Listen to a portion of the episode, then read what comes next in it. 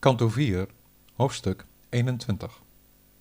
Het onderricht van Ritu Maharaj.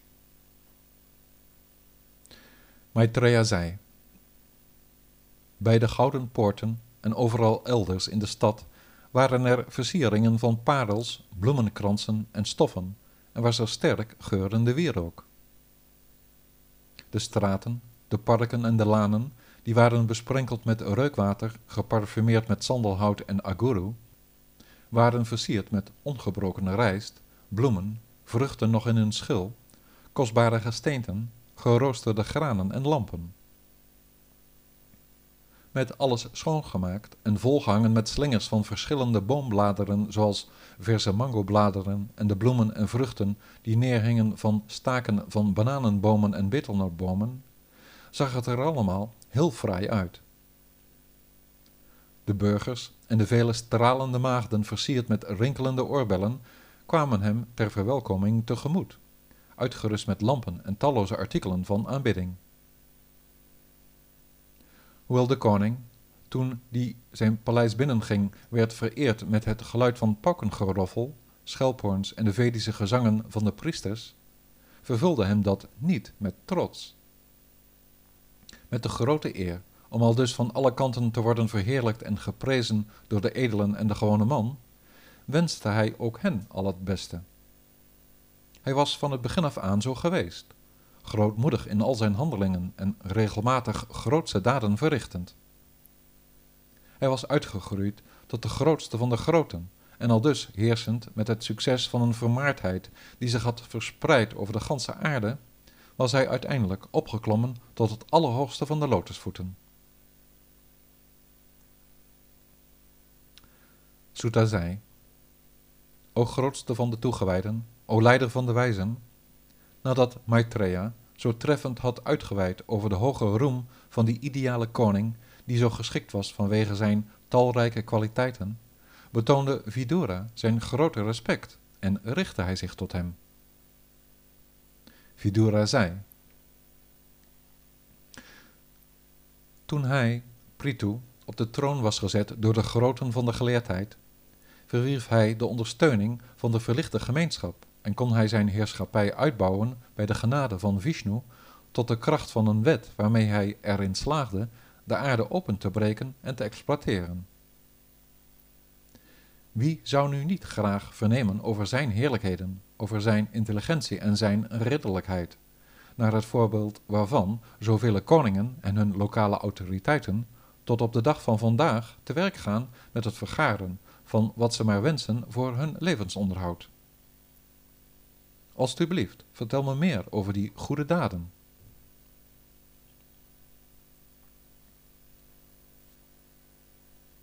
Maitreya vervolgde.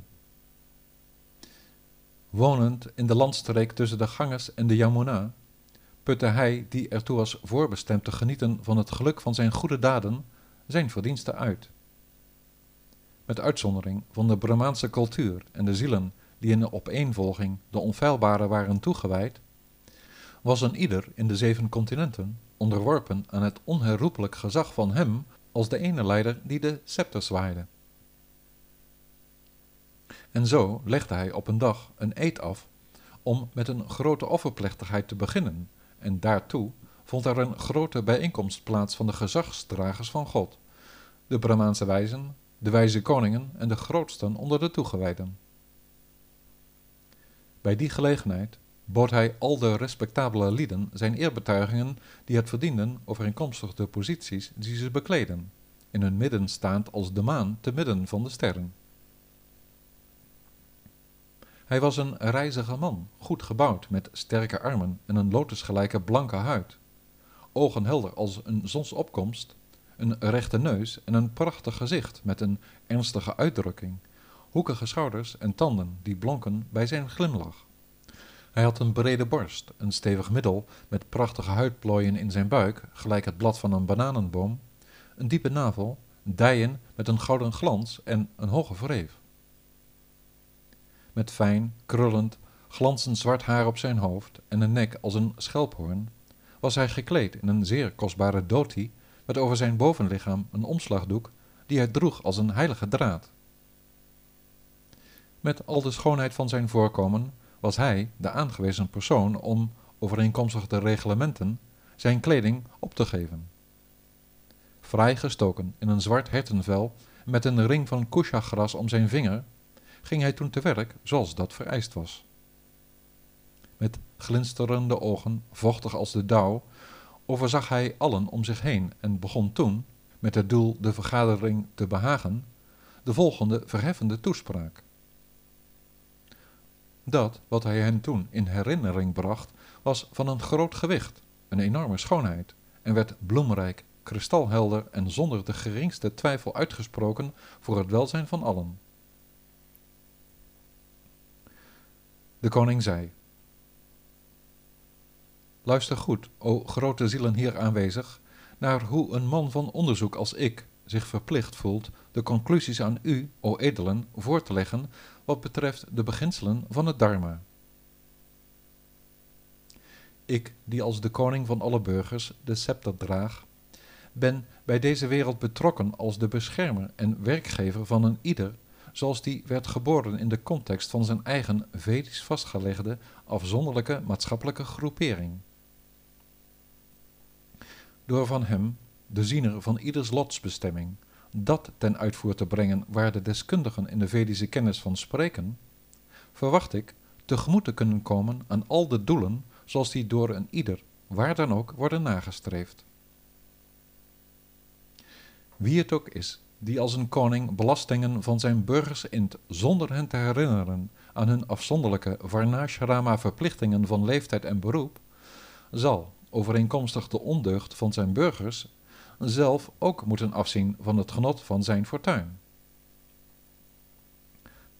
Daarom, mijn beste onderdanen, lijkt het geen twijfel dat alles wat u zonder te morren doet vanuit uw ware eigenbelang, volgens het Varnashrama-systeem met hem in gedachten die zich bevindt voorbij de zinnen, een grote gunst jegens mij vormt. Dient u zijn belang, dan bent u mij, uw beschermer van dienst u allen, hier aanwezig als mensen, trouw aan de voorvaderen, de goden, de wijzen en de zonderlozen, neemt u dit alstublieft ter harte. In het hiernamaals wordt het resultaat van handelen gedeeld door degene die handelde, degene die er opdracht toe gaf en hij die ondersteuning verleende. O respectabele zielen, in deze materiële wereld moet er wel iemand als hij bestaan, die men in de geschriften soms de Heer van de offers noemt. Waarom anders ziet men in deze wereld en in de wereld hierna belichamingen van grote macht en schoonheid? Manu, Uttanapada, Dhruva en zonder twijfel de grote koning Priyavrata en mijn grootvader Anga, deze grote en heilige persoonlijkheden als ook anderen die van de ongeboren ziel zijn, zoals Pralada en Bali Maharaj, vormen bewijs voor het bestaan van hem met de strijdknots in zijn handen. Behalve dan bij afstammelingen als mijn vader, die, zich abominabel gedragend als de dood in eigen persoon, het spoor bijster was op het pad van de religie, schrijft men zo goed als altijd het opstijgen naar hogere werelden en een hogere klasse toe aan het in dharmisch handelen bevrijd zijn van materiële motieven ter wille van de ene allerhoogste ziel. Met de zin dienst te verlenen aan de lotusvoeten vernietigen boetvaardige personen terstond het vuil van de geest dat werd vergaard in talloze geboorten. Net zoals het gangerswater dat ontspringt aan zijn tenen alle vuil wegwast, zien zij dag na dag hun zuiverheid toenemen. Door het met name telkens weer opnieuw verzamelen van kracht in het op systematische wetenschappelijke wijze toevlucht zoeken bij zijn lotusvoeten, zal een persoon die genoeg heeft van het eindeloze gepieker zich zuiveren en niet nogmaals zich overgeven aan een materieel gemotiveerd bestaan vol van hindernissen.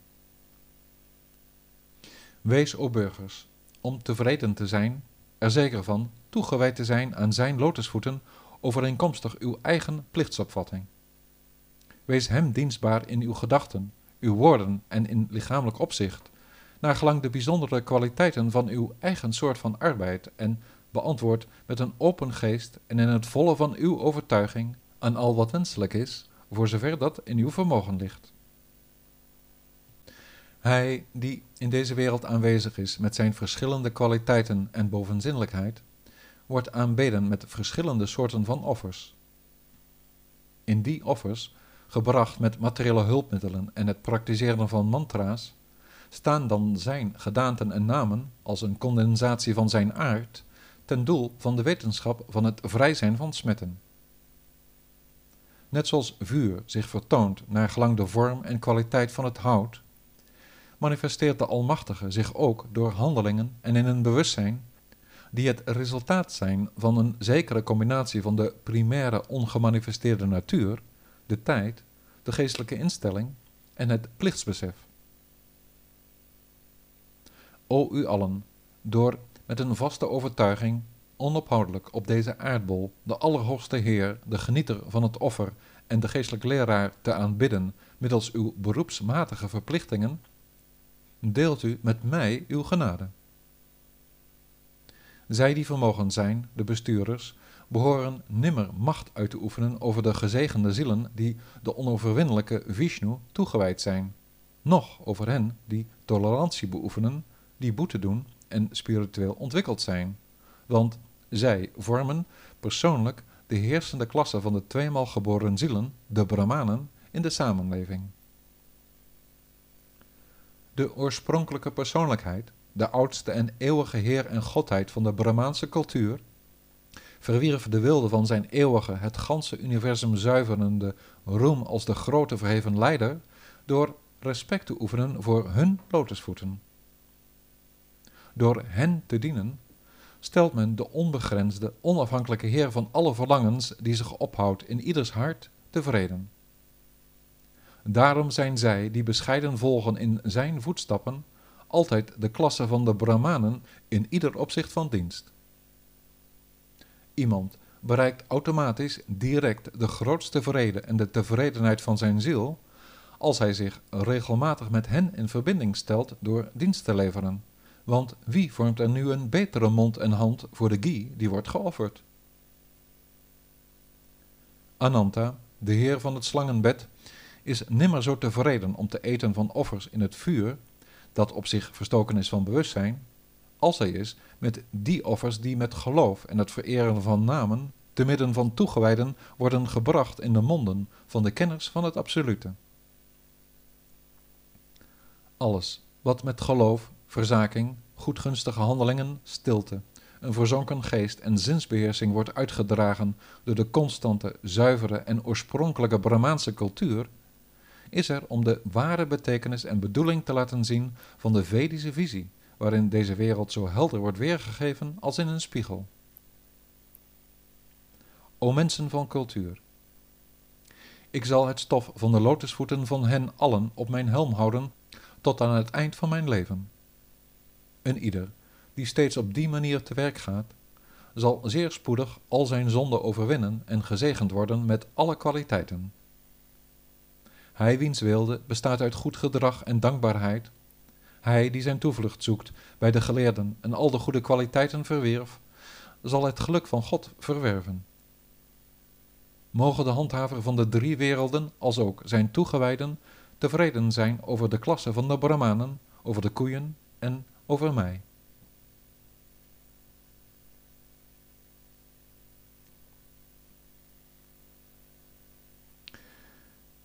Maitreya zei: De koning, zich al dus uitlatend, werd gefeliciteerd door al de deugdzame zielen aanwezig, de ouderen, de goddelijken en tweemaal geborenen die geestelijk voldaan en verheugd, sadhu, sadhu uitriepen. Goed gesproken, goed gedaan. Zij zeiden, De Vedische lering die stelt dat men de overwinning in al de werelden behaalt via zijn zoon, wordt bewaarheid nu dat hij, Prithu, zijn hoogst zondige vader Vena op grootste wijze heeft gered uit de duisternis waarin hij belandde, nadat hij vervloekt door de Brahmanen zijn leven verloor. Ook Hiranyakashipu, die vanwege het herhaaldelijk beledigen van de Allerhoogste Heer in het diepste duister belandde, raakte bevrijd door wat zijn zoon Pralada deed. Beste van de strijders, beste vader van de aarde, wiens overgave aan de onfeilbare, de ene handhaver van al de werelden, zo voorbeeldig is, mogen u eeuwig leven. Vandaag, o hoogste van de zuiverheid, verkeerden we dankzij u onder het gezag van de Heer van de bevrijding Mukunda, van hem, Vishnu, die optredend in de verhalen van de geschriften wordt verheerlijkt als de aanbiddelijke Heer van de Brahmanen. Het is niets bijzonders, o Heer, om de kost te verdienen met het heersen over burgers. Wat zo groots is, is de aard van uw genegenheid en genade voor alle levende wezens. Vandaag hebben wij, die vanwege onze daden in het verleden hun levensdoel uit het oog verloren en door het lot bepaald ronddolen, dankzij u kennis gemaakt met de andere kant van het duistere materiële bestaan. Alle eer aan u, die we vereren als een persoonlijkheid bewogen door de kwaliteit van de goedheid, als iemand die op eigen kracht de Brahmaanse cultuur inspireert en de eer van de bestuurlijke klasse handhaaft.